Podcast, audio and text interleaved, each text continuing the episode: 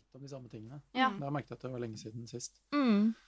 Eh, men jeg kjenner meg igjen i alt det dere beskriver, da. Ja. At det er, og hvis jeg ikke fikk sagt det, så har jeg sa det så vidt, men jeg føler det er, en, er noe som kjennetegner de som velger sånne studier, og de som Mm. liker kreativitet. Men det jeg har sett, er liksom at de som blir flinkest, er de som orker. Ja. Nesten alltid. Det er sånn, sånn var det i idrett òg. Ja. Det var noe talent der, men de som ble best, var de som orka.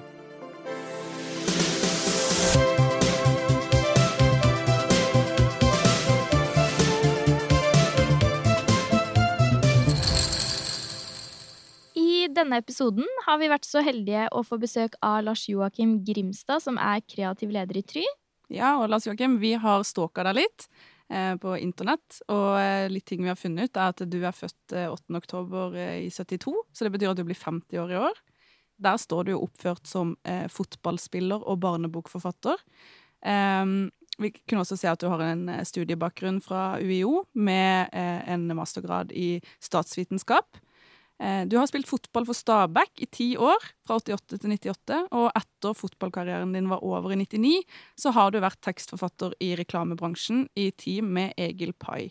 Eh, Dere har jobba sammen i Dynamo fra 99 til 07, og fra 2007 har du vært i Try. Eh, Dere to har jo også sammen vunnet en rekke gjeve priser over hele verden, og jeg vil tørre å si at dere kanskje er det mestvinnende kreative teamet i Norge. Eh, og så er du i tillegg til det barnebokforfatter eh, i den skjønnlitterære kategorien. Eh, og du har skrevet bøker som Barna som forsvant, eh, Solkongen, Egoland og Meningen med Leif. Ja, så shit, så mye du har gjort! Men du hørte hvor gammel jeg var òg, da. Eh, og vi hørte, eller vi hørte rykter om at du eh, gikk rett fra fotballgarderoben og inn i Dynamo. Hvordan skjedde det her? Altså, det var jo en kort vei, fordi den gangen så var Dynamo eh, startet av en gjeng Stabæk-folk. Jeg spilte jo i Stabæk faktisk fra jeg var ti år gammel. Eh, Gutt, jeg var, og var med hele veien oppover, så jeg hadde litt sånn flaks med at Stabæk ble et bra fotballag etter hvert som jeg satset mer og mer på fotball. Mm. Men eh, så Dynamo var, eh, ble gründet av en gjeng rundt Stabæk. Så mens jeg spilte, så, så jobbet jeg litt for de, sånn småting. Eh, så Ingebrigt Sten Jensen, som er liksom eh, til og med en halv generasjon over meg, eh, var jo liksom sin tids store reklameguru på 80- og særlig 90-tallet. Altså en helt, mener jeg, fantastisk flink, fantastisk kul fyr. Fantastisk flink kommunikasjonsmann. Og han og jeg, jeg var kjempeheldig. Det var en vei som nesten ingen får, for jeg drev jo egentlig, som dere sa, og studerte juss og statsvitenskap. Mm. Og så hadde han da troa på meg, da. Jeg ble skada på fotballbanen og måtte gi meg. Og så ga han meg en sjanse i, da, for å skrive tekstforfatter. Jeg var ganske ræva, så jeg brukte så, så brukte mye tid på det. Men jeg var eh, helt middelmådig da jeg begynte. Mm. Da kommer vi jo litt inn på liksom sånn hva du tenker på en måte en kreativ person er, og liksom hvordan fant du ut av at du liksom eh, ville ja, hoppe inn i det kreative yrket og som tekstforfatter? Har du alltid vært glad i å skrive, for eksempel? Har du alltid sett på deg selv som en kreativ person? Jeg vet ikke helt. Det var eh, ja, Altså, særlig jussen, syns jeg. Det er jo en Følte jeg en helt andre enden av hodet mitt. Det er jo veldig sånn, det er jo veldig akademisk. Ja, og veldig rasjonelt logisk. eh, Men jeg har egentlig skjønt at kreativitet handler mye om logikk òg. Mm. Men det handler om å liksom se logiske mønstre eh, som utgjør ideer, da. Mm. Eh, Men jeg merker at min generasjon kreatører er mer logisk anlagt enn de som var litt før meg i bransjen. Så kanskje det var noe med det. At, eh, men ja, jeg har alltid vært veldig glad i å lese, og ja, jeg var ganske glad i å skrive. Jeg skrev liksom ja, litt for hva skal jeg si litt, litt underveis også, jeg, mens jeg spilte fotball og studerte og sånn. Ja, Interessant. Eh, for det er det jeg også lurer litt på, hvis vi bare er inne på det med skriving. Eh, så er det sånn, hvordan går man da fra å jobbe som tekstforfatter? Hvordan fant du liksom ut at du hadde lyst til å begynne å skrive bøker? Det var vel altså egentlig Den opprinnelige drømmen var jo kanskje å skrive bøker. Ja, det var det, ja. Før det var Altså, reklame for meg den gang var også litt sånn shit, skal jeg begynne å lage reklame, liksom? Jeg skulle jo drive med helt andre ting. Jeg studerte jo statsvitenskap, syntes egentlig det var veldig gøy, og og tenkte at å jobbe med f.eks. internasjonal politikk eller sånne ting, som jeg syntes var kjempespennende. Mm. Uh, så reklame var noe helt annet, men jeg ble jo veldig forelsket i dette å jobbe med idé. Og Ja. dette å kjenne på den følelsen av å skape noe, som er et kjempekick. Men den bokideen og bokdrømmen lå der lenge, så det var en 40-årskrise, faktisk. Altså, den første boken kom ut på 40-årsdagen min. Ja. Ja. Eh, og da var jeg da skrev den da i slutten av 30-årene, og veldig behov for å jobbet lenge med reklame og prøve å liksom ha en sidejobb, holdt jeg på å si. Mm. Sideprosjekt. Nattprosjekt, som det ble. Ja. Kult. Eh, nei, fordi vi eh, har jo lyst til å prate litt med deg om kreativitet generelt, eh, og hvorfor kreativiteten er så viktig. Eh, og vi har jo fått eh, litt eh, inn fra sida at du er veldig opptatt av kreativitet, eh, og du syns det er veldig viktig. Så vi bare lurte på om liksom, vi kunne høre litt fra deg hva, hvorfor. Hvorfor syns du kreativitet er så viktig? Eh, vi snakka jo litt før du kom om at eh, det kanskje faller litt bort nå, eller liksom den kreativiteten den er fortsatt viktig, men det er jo veldig mange som kan mye nå. Eh, men bare liksom litt om kreativiteten, da, hvorfor du er så opptatt av at det er Jeg har jo merket altså, Vi snakket jo også om det at kreativitet For det første er det litt sånn eh, Hva skal jeg si Pynteord for tiden. Det er jo ikke en stillingsannonse der ute uten å ha ordet kreativitet. Enten du skal bli veiarbeider eller bibliotekar, så står det liksom alltid noe om du, du må være en kreativ person. Og det er jo fordi det er viktig. Men, og i mitt fag, jeg jobber jo i et reklamebyrå, kommunikasjonshus, så er det jo fordi jeg merker at de tingene vi gjør som virkelig fungerer, er nesten alltid tufta på en sterk idé. Ja. Mm. Så det er mer sånn hvis vi skal gjøre jobben vår best mulig, så må vi fokusere på gode ideer. Sterke, gode ideer. Og det er eh, Så er det heldigvis kjempegøy, eh, den biten av det. Så, så er det noe uh, Ja, nei, som sagt, det, det, det, en ordentlig relevant, god idé skaper de beste resultatene. Og da kommer vi jo litt inn på liksom, hvordan kommer man frem til den ideen. Fordi en idéprosess, det er jo ikke bare å stå i dusjen, og så faller alle ideene på hodet på en. Og så snakket vi jo også om at når man har jobbet lenge i eh, kreative bransjer, og sånn som, sånn som du, så finner man kanskje lettere frem til den gode ideen, og forstår hvorfor en idé er god. Mm. Det er jo veldig mange som snakker om det der med eh, magefølelse også i tillegg. At den magefølelsen for oss som studenter er nok ikke like sånn Vi kan godt ha en god magefølelse, men det er ikke sikkert det stemmer. Eh, mens hvordan vet du om din idé er god? Det er ikke noen sånn 100% fasit, men jeg vil påstå at det, det går an å Og i hvert fall i et fag som reklame, så er det Det finnes en boks. Mm. I og med at dette er utenfor boksen, så er det samtidig noen rammer som da, som jeg vet dere er enig i, Ja. eh, fremmer kreativitet også.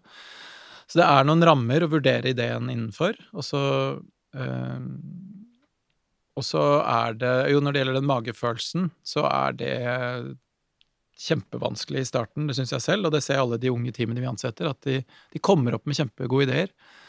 De klarer ikke å skille de gode fra de dårlige like lett som man gjør etter hvert. Det handler om eh, erfaring. Ja. eh, At du ikke minst skjønner den boksen bedre og bedre. Du skjønner hva må til for å Ja. skape resultater, da. Mm. Den boksen er sikkert helt forskjellig innenfor alle yrker som der kreativitet er viktig, men etter hvert i vår så merker man litt at Og da handler om ting som Jeg lagde en formel på det en gang, Egil og jeg.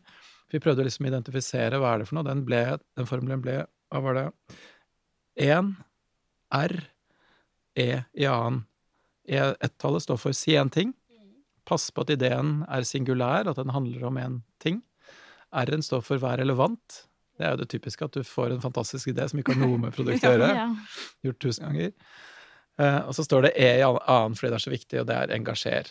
Ja. Og det, det er jo basic ting, men de tre tingene der uh, kjennetegner veldig ofte en sterk idé.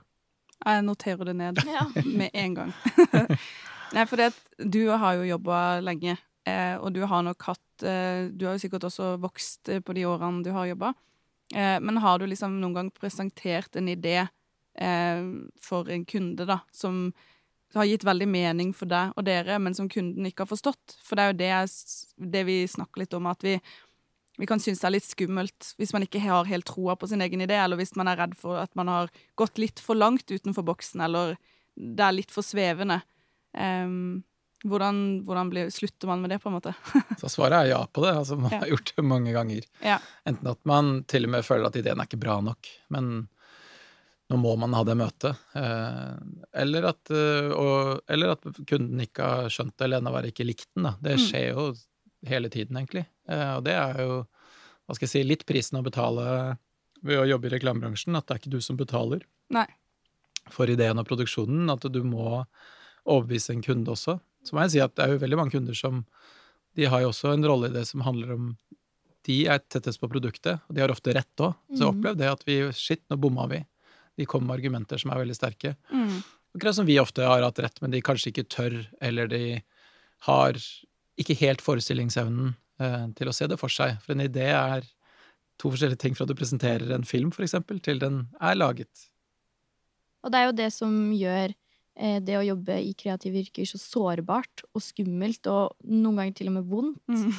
Og liksom, du jobber jo med det her hver dag, og har jobbet med det i mange år. Hvordan er det du på en måte orker? For vi, vi merker jo allerede på studiet at det er eh, Det tar jo på å kaste seg liksom ut eh, hele tiden og blotte seg for liksom sine innerste tanker, nesten, på en måte. Ja, altså helt ærlig, det er vondt, og det er fortsatt vondt. Og det å komme på en god, skikkelig god idé nå som ikke finnes fra, fra før, eh, er kjempevanskelig.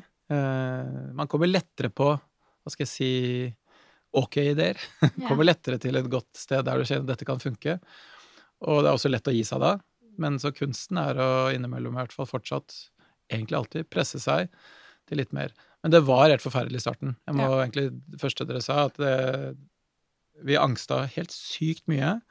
Vi døgna på jobben så mange ganger, hadde presentasjoner, eh, gikk i de. Eh, jeg hadde magesår da jeg var 29 år gammel, det er jo litt tidlig. eh, Etter, og det var fordi det sto så mye på spill, og mange kreatører, ja, for å være helt ærlig, tror jeg blir også flinke fordi de eh, Da søren, jeg. Har litt sånn både prestasjonsangst og en sånn prestasjonsdrive. Har Ja. lyst til å være flink i livet.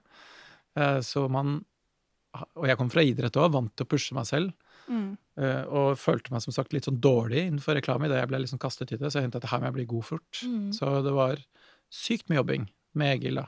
Ja. Veldig hyggelig å være to, da. Det hjelper. Ja. Ja, for det er jo noe av det vi merker mest, at vi begge to har vært i situasjoner før hvor vi har måttet presentere, og det har liksom Jeg har aldri vært så nervøs eh, før og har fått skikkelig sånn Selv det å presentere for klassen, som eh, vi har blitt ganske godt kjent med nå, eh, kan jeg synes Altså, jeg skjelver. Eh, og det tror jeg også handler om at det er sårbart, det vi presenterer. Det er noe, det er noe som betyr noe, og det er noe man har eh, man føler seg litt sånn naken idet man står der og skal vise noe som man har laga helt selv, og man, det er åpent for uh, kritikk. Veldig. Og det er ikke et svar på en, uh, på en ligning. Nei. Det er liksom se hvor smart jeg er, eller se hvor kreativ jeg er, eller se hvor flink jeg var til å tenke denne løsningen. Eh, Så det er kjempesårbart. Det merker jeg at etter hvert så får man kanskje nok selvtillit på at man har vært flink, eller Ja. sånn at man Og som kreativ leder er veldig opptatt av å lage trygghet da, Ja. i avdelingen, for du vet jo at det der er et problem, og man kan Det er litt som idrett, mener jeg, at man er i god form og dårlig form, og gode perioder og dårlige perioder. Alle de dårlige ideene kommer jo i august, for da har folk hatt sommerferie er helt ute av trening. Ja, det er en muskel. Altså, Ja. Det er man Ja. helt i kaos. Å jøss, åssen var dette her igjen? tenker vi hver gang. Ja. Eh, Så må man jobbe seg inn. Så det er ikke sånn kjempemagisk. Det er bare Det er en muskel. Og du er jo som sagt kreativ, eh, kreativ leder. Og det er jo veldig interessant for oss å, å høre om. Eh, og vi lurer på hva er det som på en måte kjennetegner en god kreativ leder, og hva er det, hvordan er det, er det bare erfaring som gjør at du kan vet hva du skal se etter og finne de gode ideene? Nå er jo vi snille sånn i Norge har sånn tradisjon ved at vi eh, er Eller snille, altså hvert fall Vi er ganske sånn flat struktur, da. Altså det er en leder, Legel og jeg, begge to er kreative ledere. Ja. Vi er opptatt av at teamene skal eie ideene sine. Det skal ikke være enda en sånn sensurpost før de skal til kunde. Så vi er jo mer opptatt av at vi hva skal jeg si, veileder, kommer med innspill, kan selvfølgelig si 'dette bør dere ikke gå med', osv., men prøver egentlig å være en støttefunksjon Mens i utlandet har jo mange internasjonale kollegaer. Der er det jo liksom militært. Ja. Der må du gjennom liksom tre trinn før du får gå til kunden. Eh, Men de merker jo også at Eller de klager litt over at ja, det blir sånn fryktstyrt. Og så blir det fort at de som får det til, de blir ansatt som kreative ledere til ansatte, så da mister de de. Så vi vil jo gjerne beholde de beste, så jeg tror litt på den modellen. Ja. Men vi, vi prøver å vi, vi snakker noen ganger om at vi prøver å lage liksom, finne en bra balanse mellom egoisme og empati. Ja. Fordi man må være litt sånn vinnerskalle i hodet òg. Ellers så blir det bare terningkast tre-fire. Du må ville lage det beste som er lagd. Du finner på en idé handler om å lage noe helt nytt. Ja. Eh, Det er litt vanskelig. Ja, veldig. Iallfall når eh, det er så mange flinke. Ja. Eh, kjenner man, eller kjenner du på det nå som du fyller 50 og det kommer masse unge, nye kreatører? Kjenner du liksom på den der eh, Eller er det noe som bare holder deg litt sånn skarp og Jeg har kjent på det i livet. Jeg har Ja. kjent på det fra jeg var 26 og begynte. Ja. At det der er eh, konkurranse. Men nei, jeg kjenner, jeg kjenner kanskje ikke sånn Jeg angster ikke på det nå som man gjorde det da, for da var man veldig bevisst liksom om man, hvor flink man var, egentlig. Ja. Men jeg likte det jo litt òg. Jeg er jo litt sånn glad i idrett og sånn. Tenkte det var gøy. Jeg syns det er gøy at det er på en måte både målbart i forhold til funker det eller ikke funker, Ja. Og faktisk også kreative konkurranser. Min erfaring at eh, kvalifiserte juryer blir ofte enige om, ja. om hvilke ideer de liker og ikke liker. Så det, jeg vil påstå at det, det går an å være enige om ideer som er gode og dårlige, akkurat som det går an å si at en, en bok er bedre enn en annen. Mm. Uh, så ja. Så det Men det er den, det er den eh, som vi kommer inn på hele tiden, at på en måte Det er aldri to streker under svaret. Så det er, eh, det er så vanskelig å vite, liksom Eller komme frem til liksom den store oppskriften på liksom når en eh, når, eh, når man er god på å finne gode ideer, på en måte. Det kjennes, altså Det kjenner vi alltid, Egil og jeg nå, og jeg tror mange av teamet også kjenner det når de begynte å jobbe litt, at her, her er det noe. Ja. Mm. Og, og det handler nok litt om de tingene jeg sa, si en ting, vær relevant og engasjer. Men det er ikke noe vanskelig å komme fram til den formelen. Du kjenner når noe engasjerer, Ja. som er ekstremt viktig. At her, dette kommer folk til å stoppe opp med. Dette kommer folk til å liksom Shit, det var gøy, eller det var gripende, eller et eller annet. Det kjenner man ofte igjen. Ja. Men det å få det til å være veldig relevant for det oppdragsgiveren vil si, altså det, det er en viktig kriterium, mener jeg. Mange slurver med relevansen, da. Eller da skal det være veldig gøy, Ja. eh, Mm. hvis relevansen er tynn. Ja. Men det hender jo. Men Mm. i utgangspunktet så er, er det Hvis vi får til de to tingene, så, så er du langt på vei med en god idé. Og for å få på en måte den relevansen, så er vi jo inne på det med prosess igjen, og, eh, som vi jobber veldig mye med på studiet vårt. Mm. Eh, innsiktsarbeid og, og ja, å finne ut eh, alt bak, da. Ja, og det er jo det er nok det vi ser størst forskjell på oss fra når vi begynte i starten. Eh, så var det veldig mange Det var jo veldig mange kreative folk på, på vår linje. Eh, og alle ideene vi tok, var jo veldig lite begrunna. Eller alle Altså, alt var på en måte bare noe vi hadde i ryggsekken som vi dro opp, og dette syns vi er kult, og det hadde liksom ikke så veldig mye med brifen å gjøre. Litt, vi svarte på brifer, men det var på en måte ikke innsikt bak det. Ehm, og det ser jeg jo veldig godt nå. Nå bruker vi masse, masse tid på innsikt. Uh, og da ser jeg også hvordan ideen er annerledes. At den uh, kommunikasjonen er annerledes, og det treffer deg. Altså det, vi, mye av det vi har laga, er jo veldig sånn følelses... Eh, så svarer veldig på det, da. Eh, men jeg syns det er kult å se den forandringa, og nesten som at det er noe som bare har falt på plass, iallfall hos meg, som Ja. jeg ikke har skjønt det før. Ja, og god innsikt, da har man jo ofte da innsalgsverktøy òg. Mm. For hvis du har funnet eller identifisert en innsiktsstrategi som er sterk og relevant, så vil jo kunden si ja, der Ja. er det noe, dette er vi opptatt av, dette er folk opptatt av. Og hvis ideen forsterker den innsikten, Ja. så er det lettere at kunden sier ja, det kjøper vi. Ja.